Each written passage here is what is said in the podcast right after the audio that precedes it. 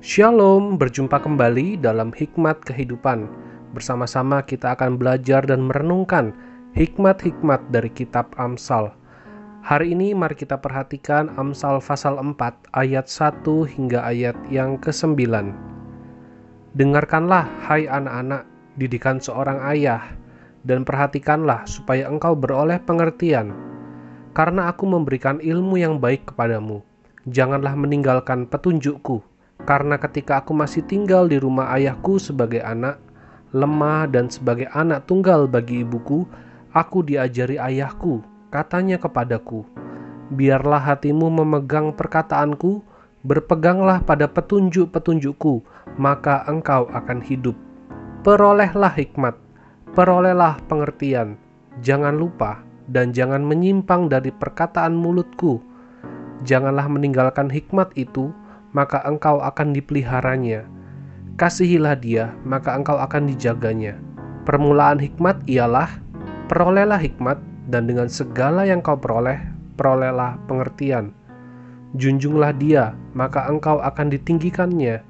Engkau akan dijadikan terhormat apabila engkau memeluknya. Ia akan mengenakan karangan bunga yang indah di kepalamu, mahkota yang indah akan dikaruniakannya kepadamu. Gajah mati meninggalkan gading, harimau mati meninggalkan belang, manusia mati meninggalkan nama. Peribahasa ini mengingatkan kita akan dua hal. Pertama, bahwa kehidupan kita cepat atau lambat akan berakhir. Yang kedua, bahwa ada sesuatu yang kita tinggalkan atau kita wariskan kepada generasi-generasi di bawah kita apa yang dicapai oleh satu generasi akan menjadi kebanggaan bagi generasi penerusnya. Namun, keberlanjutan generasi penerus tidak dapat dijamin oleh apa yang sudah diwariskan oleh pendahulunya. Generasi penerus bisa menjadi lebih baik, atau bahkan bisa menjadi lebih buruk dari apa yang sudah dicapai oleh generasi sebelumnya. Kita mengetahui kisah-kisah mengenai kesuksesan usaha keluarga yang dijalankan dari generasi ke generasi. Tetapi kita juga tahu ada beberapa kisah tentang keluarga yang hidupnya tidak semakmur dari generasi sebelumnya, bahkan mengalami kejatuhan yang tak terpikirkan akan dialami oleh keluarga tersebut. Lalu, apa warisan terbaik yang dapat kita wariskan kepada generasi penerus kita? Jawabannya adalah hikmat. Ayat 4, Salomo berkata bahwa aku diajari oleh ayahku, aku diajari oleh Daud.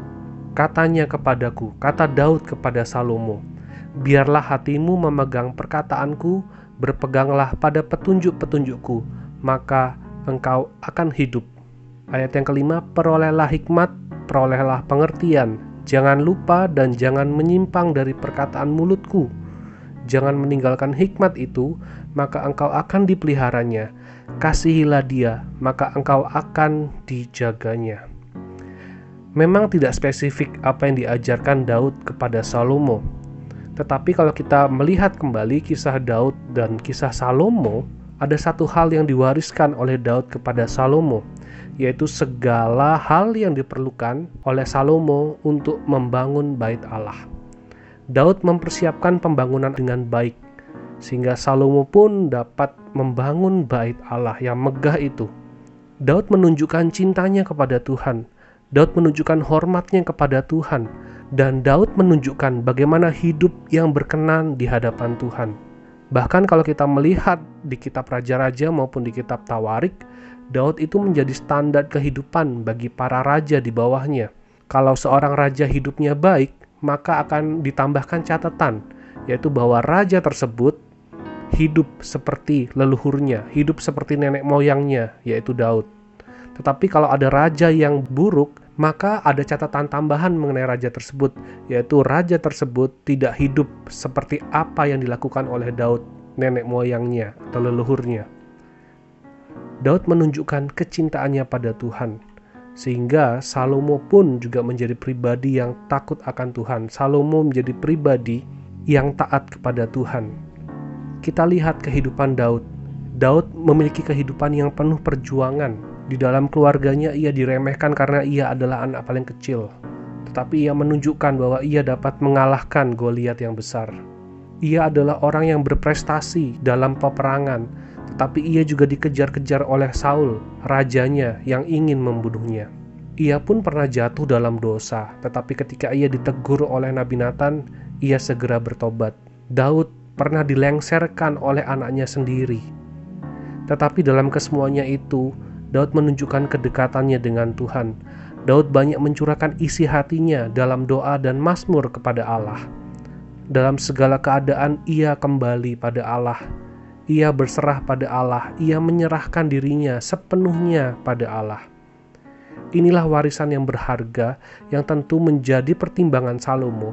Ketika Allah bertanya kepada Salomo, akan kuberikan segala yang kau minta, kekayaan, kekuasaan, tetapi Salomo menjawab bahwa Salomo meminta hikmat.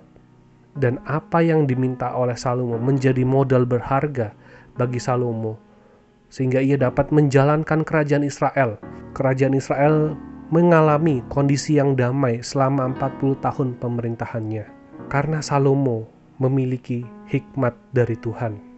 Amsal 1 ayat 7 berkata, Takut akan Tuhan adalah permulaan pengetahuan, tetapi orang bodoh menghina hikmat dan didikan. Apa yang dapat kita wariskan kepada generasi-generasi penerus kita? Yaitu iman kita, teladan hidup kita, bagaimana kita mencintai Tuhan, bagaimana kita hidup di hadapan Tuhan. Karena dalam perjalanan kehidupan kita, susah dan senang itu terus silih berganti namun hanya satu yang akan membuat damai di hati. Takutlah akan Tuhan, hormati Tuhan, taatilah perintahnya, taatilah firmannya, dan yakinilah bahwa Tuhan punya rencana yang indah dalam setiap pengalaman-pengalaman kehidupan kita. Hikmat datang ketika kita mau berserah pada Tuhan. Hikmat datang ketika kita mau mengerti maksud dan rencana Tuhan melalui setiap keadaan dalam kehidupan kita. Sehingga apa pun itu, itu semua akan menolong kita semakin dekat pada Tuhan dan semakin mengerti maksud dan rencana Tuhan. Dan ketika kita sudah menemukan itu, itulah hal yang berharga untuk melangkah dengan pasti bersama dengan Tuhan. Perolehlah hikmat, perolehlah pengertian, jangan lupa dan menyimpang dari perkataan mulutku, Janganlah meninggalkan hikmat itu, maka engkau akan dipeliharanya. Kasihilah dia, maka engkau akan dijaganya. Permulaan hikmat ialah peroleh hikmat, dan dengan segala yang kau peroleh, perolehlah pengertian. Junjunglah dia, maka engkau akan ditinggikannya. Engkau akan dijadikan terhormat apabila engkau memeluknya. Ia akan mengenakan karangan bunga yang indah di kepalamu, mahkota yang indah akan dikaruniakannya kepadamu. Mari kita berdoa. Kami bersyukur ya Tuhan untuk kesempatan di hari ini kami boleh kembali merenungkan firman-Mu. Kami menyadari Tuhan kami membutuhkan hikmat-Mu karena kami tidak tahu apa yang akan terjadi di depan. Mungkin kami belum mengerti maksud dan rencana Tuhan dalam kehidupan kami.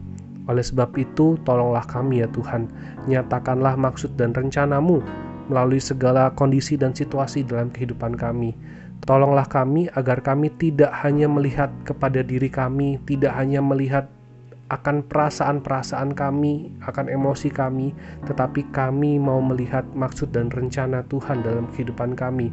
Apa yang dapat kami lakukan untuk memuliakan Tuhan melalui situasi-situasi yang kami alami. Tolong kami agar kami dapat mengutamakan Tuhan dalam pekerjaan kami, dalam keluarga kami, dalam kehidupan kami sehari-hari, dalam pelayanan kami. Biarlah Tuhan menjadi yang utama dalam kehidupan kami, dan biarlah kehidupan kami boleh menjadi kehidupan yang memuliakan Tuhan, menjadi berkat bagi sesama. Terima kasih Tuhan, kami menyerahkan kehidupan kami sepenuhnya ke dalam pimpinanmu. Di dalam nama Tuhan Yesus kami berdoa. Amin. Mari kita jalani hidup kita dengan mengutamakan Tuhan. Tuhan Yesus memberkati.